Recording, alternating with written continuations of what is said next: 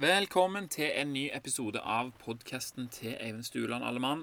Jeg sitter her igjen, jeg, i min elskede Volkswagen T3 Camper på vei hjem fra jobb. Sist gang jeg satt her, så var det skinnende sol, og jeg satt med døra åpen og beina på bakken, og oh, det var så nice. Mens nå regner det som bare juling. Men det har sin sjarm, det òg. Det blir en kos med det. Kaffen har jeg her, og en ny rant om hva jeg har tenkt på i det siste, er klar. Men først en liten ting. Eh, for de som ikke vet det, så har jeg altså siden i mars 2017 hatt ferie fra sosiale medier. Hvor lenge denne ferien her varer, det er uvisst. Den har vart halvannet år til nå. Men hvis jeg kommer over noe som jeg virkelig ønsker å dele med dere lyttere, så skjer det via et uh, nyhetsbrev. Uh, og hvis du ønsker å motta en e-post fra meg fra tid til annen, så kan du melde deg på det nyhetsbrevet på nettsiden min, podcasten.no. Og hvis du kjenner noen andre som kunne tenkt seg å motta en e-post fra meg, så kan du bare dele den sida med dem, så kan de òg melde seg på. Og hvis du lurer på hvorfor jeg har gjort det på den måten der, så kan du høre episode nummer 16, som jeg spilte inn i forbindelse med denne her avgjørelsen da i, eh, for halvannet år siden. Men nok om det. Nå skal vi høre litt om investormentalitet. Og investor det er jo da i utgangspunktet en person eller en organisasjon som putter penger i noe med den forventning at de pengene skal vokse og gi avkastning. Det sier iallfall ordboka. Det finnes mange måter å investere på. Det kan være over tid eller med tanke på rask profitt og all mulig slags giring og derivat, lånefinansiert, binære investeringer. Det finnes enormt mye. Og det kan innebære alt fra liten til stor risiko. Mye eller lite penger. Noen er dyktige, andre er heldige. sant? Penger kommer, og penger går. Men de som er aller mest suksessfulle, det er de som tar seg god tid. De som lar være å ta for stor risiko, og lar være å kaste seg på muligheten for rask profitt, der faren for tap som regel eskalerer parallelt med størrelsen på mulig gevinst. De som bevarer roen og ikke lar seg rive med, de som unngår å tape, sant? de som har tålmodighet og standhaftighet, de kommer godt ut av dette her. Warren Buffett og Charlie Munger er to sånne her. altså det. De er begge steingamle og steinrike. De kunne godt ha pensjonert seg for 50 år siden hvis de hadde villet, men det har de ikke gjort. De har jo investormentaliteten. sant? De elsker å gjøre det de gjør, så mye at jeg tror at tanken på å pensjonere seg ikke engang eksisterer hos de. Og Den eh, samme tankegangen til en god investor det kan vi også bruke til mer enn å bare investere penger. Sant? Vi kan investere i hva det skulle være vi ønsker oss mer av, og vi kan investere vi kan bruke altså hva slags helst ressurs vi besitter. Sant? Akkurat som du bruker penger til å investere i, uh, i uh, et fond, så kan du bruke viljestyrke til å investere i en vane, f.eks. Men som med penger så er det ofte konsekvent strategi og tålmodighet som gjenspeiler profitten vi sitter igjen med over tid. Så det var litt om investor, uh, hva det er for noe. Men vet du hva som er det motsatte av investormentalitet? Se for deg en person som vil ha det samme som investoren vil ha. Sant? Han vil ha mer av noe, kanskje til og med masse. Og sånn sett er jo for så vidt like. Forskjellen er at denne personen er utålmodig og ukonsekvent. Vinglete i sin strategi om han i det hele tatt har noen. Og denne personen her er ikke villig til å gjøre det som må til for å oppnå det ønska resultatet som han har sett for seg. Han vil få det uten å fortjene det.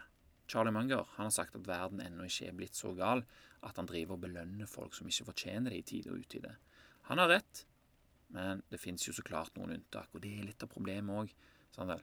Jeg var sjøl en person som syntes at jeg fortjente belønning uten at, det, uten at, jeg egentlig hadde gjort noe for det. En person som venta på, no, på, at noe skulle skje. Verden er jo tilsynelatende full av historier om folk som har oppnådd rikdom og eller suksess Eh, det er jo det vi leser om. Noen har vunnet i Lotto, andre har solgt en bedrift for milliarder. Og Ofte så får vi jo bilder av at eh, ja, han satt hjemme på rommet sitt, så kom han på en idé, lagde et firma, solgte det for milliarder til Google eller whatever. Historiene er egentlig veldig få i forhold til totalen, men det virker som om det er en del av de, siden det er de vi hører om. Vi hører veldig lite om de som ikke vant i Lotto, sant vel? selv om det er de det er flest av. På snodig vis så var jeg altså av den oppfattelse at jeg var en som skulle vinne. Jeg mente kanskje at jeg på et eller annet vis eh, fortjente det, eller at jeg var spesiell. At jeg til tross for at jeg ikke hadde gjort noe nevneverdig innsats, allikevel skulle belønne. Sant? Jeg vet ikke helt Jeg vet ikke helt hvorfor jeg hadde den eh, mentaliteten. Men det jeg vet, er at, det ikke, at jeg ikke så det som et alternativ å utføre små skritt over tid som sakte, men sikkert dro i en retning mot dette her målet eller den tingen som jeg ønsker meg. Jeg venta heller, for jeg trodde det ville gå raskere, og at det ikke var verdt å gjøre noe mer enn å håpe og ønske. Jeg venta på at det plutselig skulle skje med meg heller enn noen andre. Sant vel? Jeg venta på lottogevinsten, og det vil si at jeg hadde lotterimentaliteten. Det motsatte av investormentaliteten. Og når vi snakker om lotteri, så tar vi en liten digresjon angående lottokupongen. Oppfatningen er at den har en potensiell verdi på millioner. Sant? Og det har den for så vidt òg. Men det er lett å glemme hva den faktiske sjansen for denne gevinsten her er. Og da hva den verdien av lottokupongen er. Og dette lærte jeg en veldig god metode for å se klarere i den boka 'Factfulness' av Hans Rosling, som jeg nettopp har lest. Den reelle verdien finner du om du deler den potensielle premien på vinnersjansen. Sant? En lottokupong med ti rekker og en potensiell gevinst på 15 millioner kroner er da faktisk verdt 27 kroner og 93 øre. Rett under halvparten av hva det koster å kjøpe den. Jeg tror den koster 60 kroner. Og det vil si at om du skal være garantert denne gevinsten, så må du ut med godt over 30 millioner for å vinne 15. Sant vel? Den biten med fakta der er nyttig når vi skal velge hvordan vi skal prioritere, hvordan vi vil prioritere.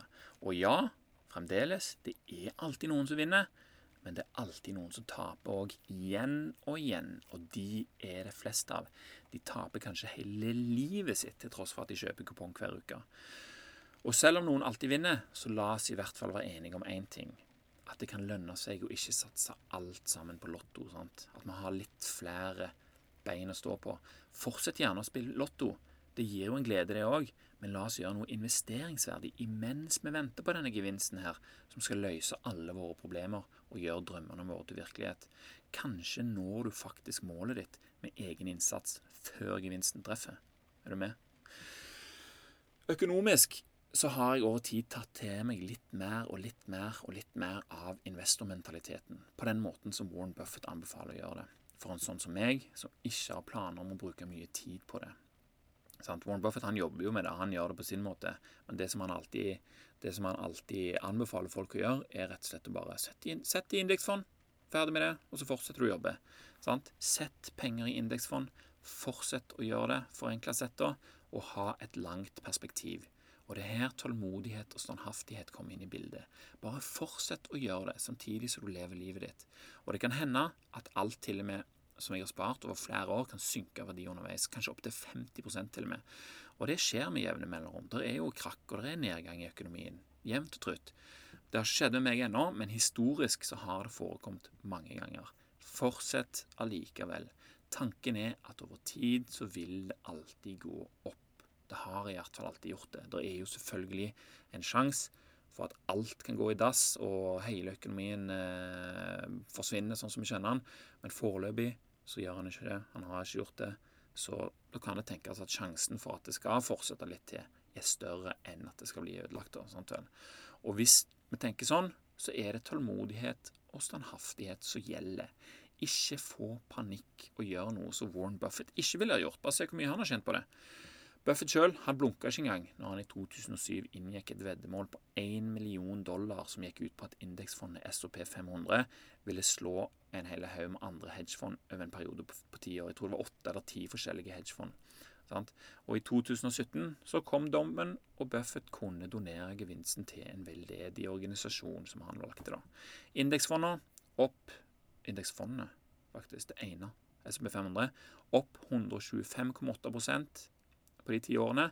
Hedgefond gjennomsnittlig opp 87,7% Det er ganske stor forskjell, det. Og det som har eh, grunnlag i mye av den forskjellen der, er forvaltningskostnaden på disse to forskjellige typer fonder. Forvaltningskostnaden er typisk 2% i et forvaltningsfond.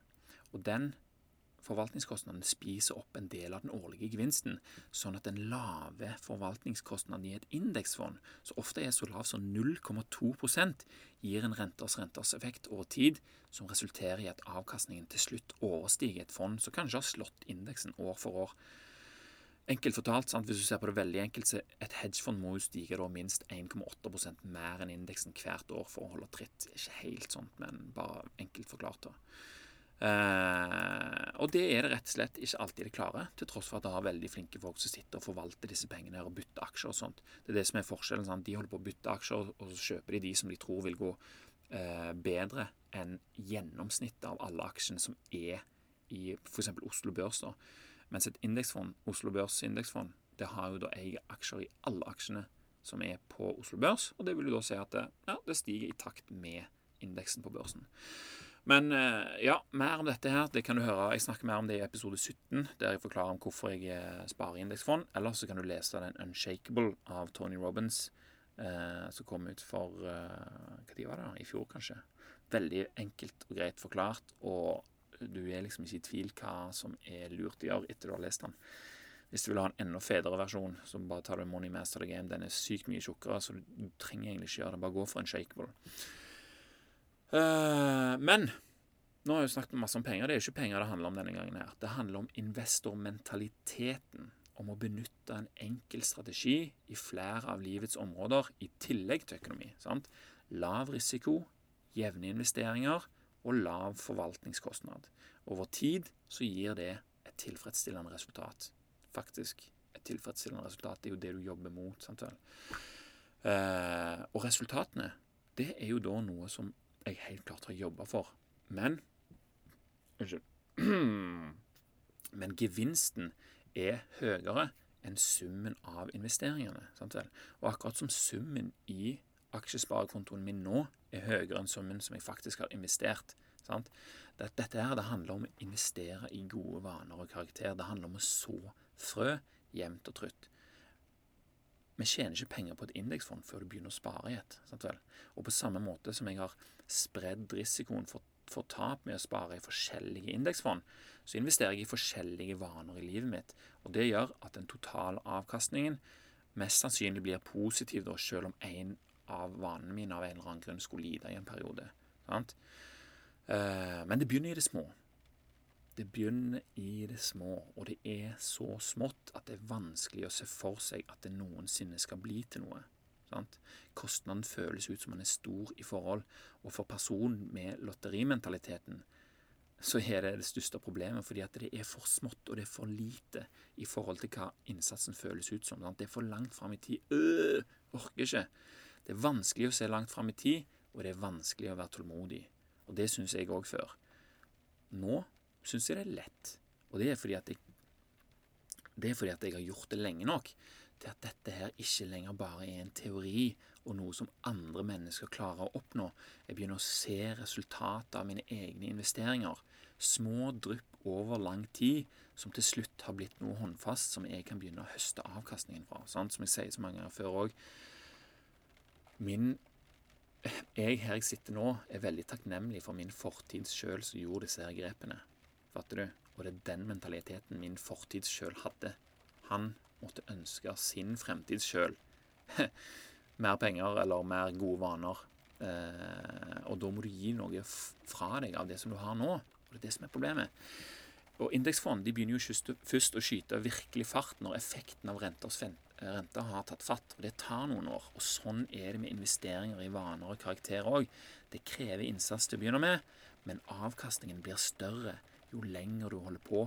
Samtidig så føles det som om du får mer igjen for det samme etter hvert som vanen etablerer seg og krever samme mengde vilje å få til.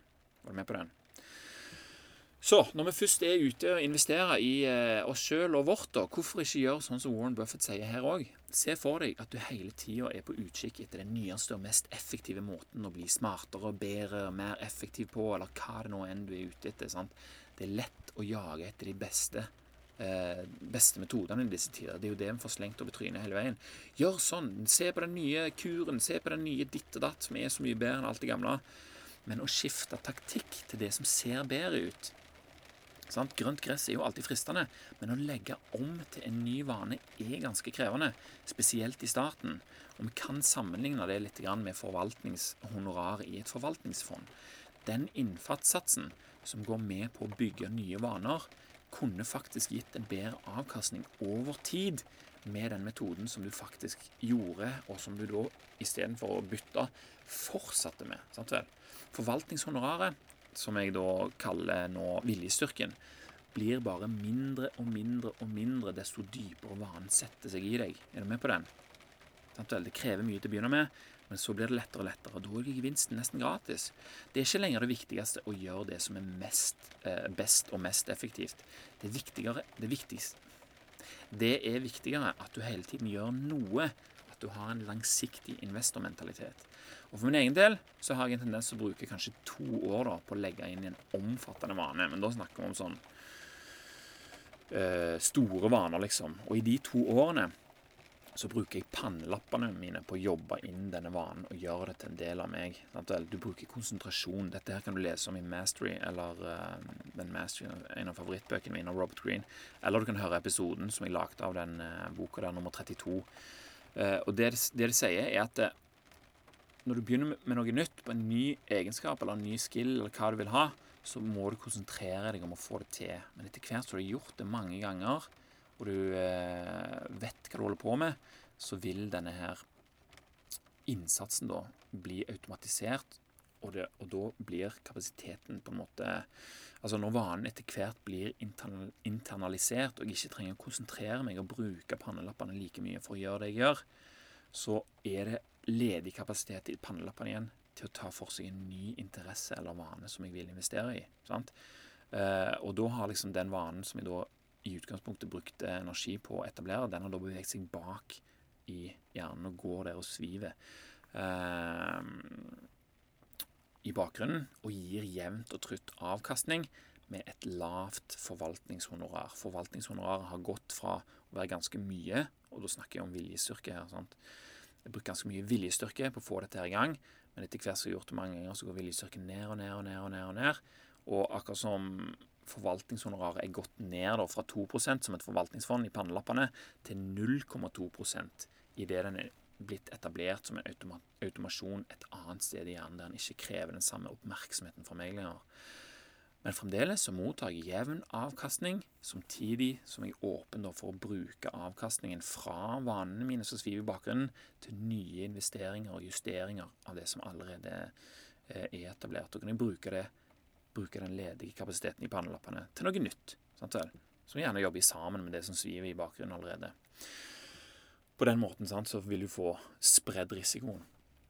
Eh, og det kan som sagt investeres i hva som helst med hva som helst. Altså Dine ressurser som du nå bruker på noe som ikke gir deg avkastning, som du kanskje taper på å gjøre, kan du flytte over til noe annet som over tid vil gi deg det du vil ha. Det er jo veldig dumt å bruke viljestyrken til å lage en vane som du ikke tjener på. Altså, det var jo sånn det var med nyhetene for meg først. Altså, Først så begynte jeg å lese nyheter når jeg fikk telefonen. Uh, kjempegreier. Jeg husker første gang jeg kjøpte iPhone 3G. Eh, og etter hvert så ble det en vane som jeg da hadde investert i, som ikke ga meg et utbytte annet enn den illusjonen som jeg sjøl da hadde tenkt at det var. Uh, så jeg kan ta den vanen og endre den fra å være en lottokupong til å bli en investering til mitt eget beste. Sant? Det er ikke lett. Men du vet jo òg at for din egen del så er det det som er rett å gjøre, gjør du ikke det? Du vet jo at det er sløs av tid å sitte og scrolle eh, mesteparten av tida. Det gir ikke så mye mening å bruke ressurser på å bli god til noe som ikke er bra for deg. Er du god på å scrolle, liksom? Er det en ting å være god, for? god på? Jeg vet ikke. Men å investere i hva som helst, med hva som helst, det gir jo et utall muligheter. Sant? Det er jo veldig vagt, det er jeg enig i. Så for at du skal få noe å henge dette her på, så kan jeg ta noen av mine investeringer som eksempel. Da. Hva er det jeg har investert i da, som er så bra, liksom? Hva er det jeg har investert i over tid som jeg nå er fornøyd med at, at jeg har prioritert? Noen lottokuponger har jeg bytta ut til fordel for en gevinst som jeg faktisk fortjener? Og jeg vet at jeg har snakket om det masse ganger før, men det er rett og slett fordi at det,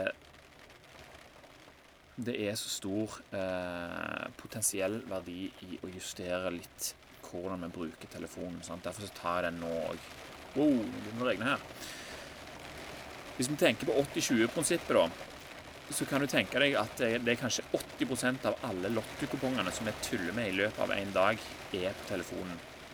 Det vi håper er millioner, men som faktisk er 27 kroner og 93 kroner eh, Det vi håper er millioner, men som egentlig er 27 kroner og 93 øre, som du har betalt 60 kroner for. Illusjonen av verdi. Før leste jeg nyheter hver dag. Flere ganger om dagen. Gjerne før jeg sto opp, og etter jeg, jeg hadde lagt meg, og massevis innimellom. Nyhetene de forandrer seg jo flere ganger daglig, og jeg sjekka flere ganger daglig. Spesielt lett var det å gjøre det når det oppsto dødtid. Sånn sett så er jo det en løsning på kjedsomheten. Det var jo helt fantastisk, sant? men jeg kunne ikke se for meg hvor det ville føre henne mange år senere. Men det var det som var vanen min. sant? Og hva avkastning ga det meg? Jeg syntes jo jeg var oppdatert og følte meg underholdt. Jeg anså det som en verdi. Noen ting er jo viktig å få med seg, det vet jeg, men hvor mye uviktig måtte jeg gjennom for å komme til det som faktisk var viktig? Akkurat som en lottokupong så var den totale tiden og oppmerksomheten jeg brukte på å holde meg oppdatert, helt ute av provisjoner i forhold til hvor lang tid det tok å lese de nyhetene som faktisk var viktige. Nå leser jeg aldri nyhetene på mobilen. Aldri! Helt slutta med det. sant? Men allikevel. De viktigste nyhetene finner på merkelig vis sin vei til meg. Det unyttige er blitt filtrert ut, og jeg føler meg faktisk like oppdatert nå som før. Som med nyheter så er jo sosiale medier en veldig stor del av telefonen. Og de har en like stor tendens til å stjele det enorme potensialet en smarttelefon har til å investere i seg sjøl, som nyhetene har. Instagram og Snapchat har jeg sletta for telefonen og ikke besøkt på det jeg kan huske. Det skjer hyggelige ting på Snapchat og Instagram som er kjekt å få med seg, men hvor mye av resten er relevant for deg? Og hva går du glipp av når du prioriterer å få med deg disse små tingene? Hvor mye unyttig må du gjennom for å komme til disse hyggelige tingene? Og du vet jo, det er ikke noen hemmelighet dette er lenger, du vet at bedrifter betaler ganske mye penger for at de skal få vise deg ting som de ønsker at du skal hjelpe deg med. Sant vel? Og de bruker alle trikser i boka for å få det til. Det er ikke noe galt i det, men det er veldig nyttig å vite om det hvis du nå skal bestemme deg for å investere den tiden i deg sjøl istedenfor å selge den til noen andre. Det er mest sannsynlig vanskelig å gjøre denne her endringen. Hjernen er jo forma av dine avgjørelser, som etter hvert har blitt vaner og reflekser. Det krever ikke noen avgjørelse lenger å gå inn og lese nyheter og lese sosiale medier. Du må bruke viljestyrke på å gjøre det annerledes, hvis det er det du vil, da. Hvor mye lettere er det ikke å fortsette med dette å lese nyheter og gå på sosiale medier Hvor mye lettere er det å fortsette med dette her enn å bruke den viljestyrken på endring? Det er jo dødsmye lettere å bare fortsette. Det er jo derfor alle gjør det, er det ikke? Så hvis jeg har tatt vekk nyheter og sosiale medier, hva er det da jeg gjør da som er så mye bedre enn dette her, liksom? Og jeg sier bare at dette er bedre for meg som et eksempel, sant? ikke at det er dette du skal gjøre. Jeg gjør som jeg vil, og du kan forme telefonen din som du vil. Og bare den tanken der at du kan faktisk forme telefonen din som du vil, Kanskje det er nok til å få dette eh, litt på gang. Når nyheter og mesteparten av sosiale medier er ute av bildet, så har jeg ledig kapasitet til å investere. Sant? Det er jo det vi bruker telefonen til hele veien. Nyheter og sosiale medier. Eh, hva skal gjøre man da? Liksom går man i lomma? Men jeg, jeg, sier at jeg har tatt vekk mesteparten av sosiale medier, siden jeg fremdeles faktisk har Facebook. Facebook er jeg inne på, men jeg har ikke appen. Og jeg må inn på nettleseren for å være der. Og når jeg er der, så er skjermen i gråtoner, sånn at fargene andre har designa og betalt penger for at skal fange oppmerksomheten min, de vises ikke lenger. Jeg er på Facebook, men jeg har redusert eksponeringen for det som jeg ønsker mindre av. sant? Skjermen min er alltid i gråtoner, og da er det ikke så spennende, rett og slett. Og så har jeg òg gått gjennom den utmattende prosessen med å forsøke å tilpasse feeden min det har jeg investert i. Og nå viser den feeden Den viser altså, den er jo ikke helt eh, optimal sånn som jeg skulle ønske den var, men den viser mer av de tingene som jeg faktisk vil se. Og det er det som er avkastningen på denne investeringen. Hvis ikke jeg gjør det sjøl, så vil Facebook gjøre det for de som vil betale for det. Sant vel? Hvis du ikke tar ansvar for det sjøl, så er du overlatt til eh, Eller i større grad overlatt til ønskene til disse her andre folka. Men disse her investeringene Eh, med disse investeringene så vil jo risikoen for å bli distrahert av ting som jeg egentlig ikke blir, bryr meg om, bli redusert. Og når jeg ser en artikkel som jeg ser avkastningspotensialet i når jeg er på Facebook, så klikker jeg på den, og så begynner jeg å lese den, og så lar jeg Facebook fortsette uten meg. Den er ikke så spennende likevel. Den er ikke så oppmerksomhetskrevende. En lignende prosess har jeg òg gått gjennom når det er snakk om e-posten min. Jeg har meldt meg av en hel haug med nyhetsbrev. Altså både på Facebook og eh, nyhetsbrev. Altså hvor Jeg har vært på Facebook i elleve år. Hvor mange sider har ikke jeg likt bare for I begynnelsen så var det jo oh, Lik alle sider så interessante, liksom. For det var jo det var i begynnelsen. Det var ikke så mye. Og alle de tingene har jo akkumulert seg opp gjennom året og blitt så sykt mye. Jeg fikk helt sånn Herregud, er alt dette her inne på min feed, liksom? Eh, eller har jeg likt alle disse her sidene? Og sånn er det med nyhetsbrev òg. Du har vært inne på ting, og du liksom, Du har ikke vane for å melde deg av ting på samme måten som du hopper på en, eh, noe som du anser som en mulighet, eller noe som ser spennende ut. Så jeg har meldt meg av en hel haug med nyhetsbrev. Det er nesten ingen igjen nå.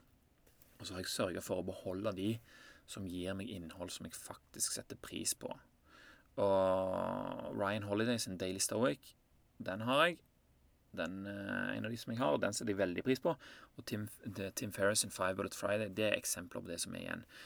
Det er ikke hver dag jeg får muligheten til å lese disse e-postene, men når dagen kommer og jeg har muligheten, så er de der sant vel, istedenfor sosiale medier og aviser. De er der klart og tydelig. De er ikke gjemt blant hundre andre eh, nyhetsbrev som hyler høyt og lavt om eh, hvor gode tilbud du kan få hvis du bare klikker inn her. Og uliste e-poster fra all slags mulige slags avsender som jeg ikke bryr meg om og ikke har giddet meg å melde meg av.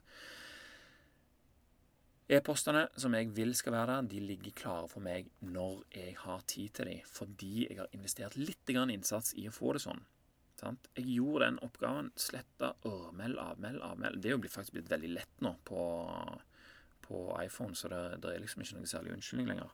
Men etter hvert så blir jeg da mindre eksponert for tull og vas, og mer eksponert for det som kan få meg til å tenke eller justere oppførselen min i den retningen som jeg ønsker.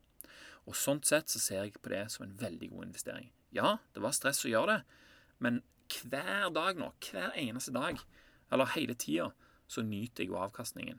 Og det er ikke det samme som å kjøpe en overprisa lottokupong, der det faktisk er håpet, drømmen og spenningen du betaler for. Fatter du?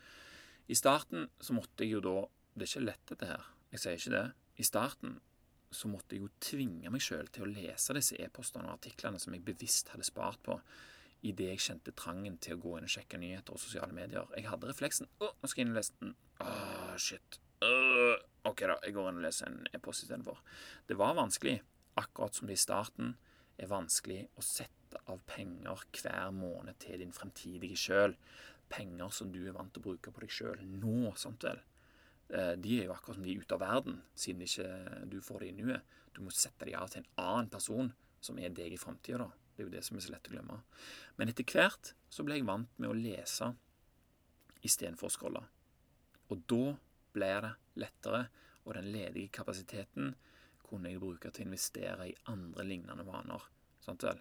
Jeg satt der og leste en e-post, og hvis den e-posten der ga meg noe å tenke på. OK, så satt jeg og tenkte på den, da. Og så eh, fortsetter jeg istedenfor å bare vruf, Skroll, skroll, nyheter, nyheter, oh, sosiale medier. Eh, sant? Og da hadde jeg jo Det tjente jeg på. Det følte jeg jeg tjente veldig på. Og istedenfor å lese nyheter og sosiale medier om morgenen og kvelden før og etter jeg la meg, så gikk jeg over til Five Minutes Journal. Investerte i det istedenfor. Før jeg sto opp, og etter jeg la meg, så skriver jeg litt inn på den. Og da fant jeg mer ut hva jeg tenker, og hvordan jeg kan få til denne og neste dag på en god måte, istedenfor å se på hva alle andre gjør, og istedenfor å reagere på det som andre vil at de skal gjøre. TV-tiden om kvelden, den er òg investert. Den er òg kutta alvorlig ned. Og den ledige kapasiteten, den er investert i noe som så gale som fornuftig leggetid og skriving om morgenen, da. Og der skal jeg si deg, jeg har fått en større avkastning enn jeg noensinne kunne drømt om. Helt vanvittig, rett og slett. Jeg kunne aldri sett det for meg. Og den eh, avkastningen får for det, den reinvesteres jo da i selvfølgelig å, å lese bøker. Warren Buffett han leser Jeg lurer på om jeg hørte at han leser sånn åtte timer om dagen eller noe sånt. Han bruker enormt tid på å lese bøker, og det gjør jo at han da klarer å ha et, eh, det livet som han har. Og så lager podkast-episoder som igjen gir videre avkastning. sant? Alt jeg måtte gi slipp på, var underholdning om kvelden. Sant? Og det er jo på telefonen og på sosiale medier og nyheter. Det kan ikke alltid kalles for nyheter. My, en stor grad av det er underholdning. Og hvis du tar ned underholdningsbiten, brød og sirkus kalte de det i romertida, underholdning som faktisk kosta meg søvn og trøtte morgener, og som ga meg en lav terskel for å la meg distrahere av nyheter og sosiale medier og enda mer underholdning, eh, det har da ført til at jeg føler meg friere enn noensinne. Og jeg vet at jeg fortjener det. Jeg har jo gjort det her sjøl. Og når jeg nå skriver det og sier det, så vet jeg at det forsterkes enda litt. Og det er sinnssykt deilig når du får uh, følelsen av at uh, du har avkastning. Du kan, jeg, kan, jeg kan nå takke den, min fortidsmeg for at uh, han gjorde sånn som han gjorde. Det nyter jeg godt av nå. Sant? Og det er jo den forestillingen der du er nødt til å lage for at dette skal gå. da. Så, nå når jeg har kjent på kroppen hvordan det føles å motta denne her belønningen for små ting som jeg har gjort mange ganger for lenge siden, så gir det ikke mening å gjøre det på noen annen måte lenger. Jeg skjønner Warren Buffett og Charlie Munger. Jeg kommer heller aldri til å pensjonere meg for å investere. Lotterimentaliteten har etter en lang kamp gitt tapt for investormentaliteten. Det hjelper lite å bare vite om dette her hvis du vil ha en endring. Det håper jeg du skjønner. Du må begynne med de små skrittene nå. Et kinesisk ordtak sier at det beste tidspunktet for å plante et tre, det er faktisk for 50 år siden. For da nyter du treet nå, sant? om det er epletre eller hva som helst. Og det nest beste tidspunktet, vet du hva tid det er? Det er i dag, forstår du? Eller vil du la det gå 50 år til? For å si det veldig enkelt, invester i det som vil gi deg noe tilbake. Du vet det, du òg. Du må plante tre for at dette skal begynne å virke. Unngå, Prøv å unngå å bli god på noe som ikke er viktig. Ikke bli god på å scrolle. Sant? Det, er mitt tips. Og det var det for i dag, folkens. Takk for nå. Jeg minner igjen om nyhetsbrevet hvis du vil ha en e-post fra meg i ny og ne. Og med det så sier jeg at uh, det begynner å høljeregne enda mer. Jeg skal kjøre videre hjem. Takk for nå. Takk for meg, og tusen takk til deg som hørte på. Vi snakkes neste gang.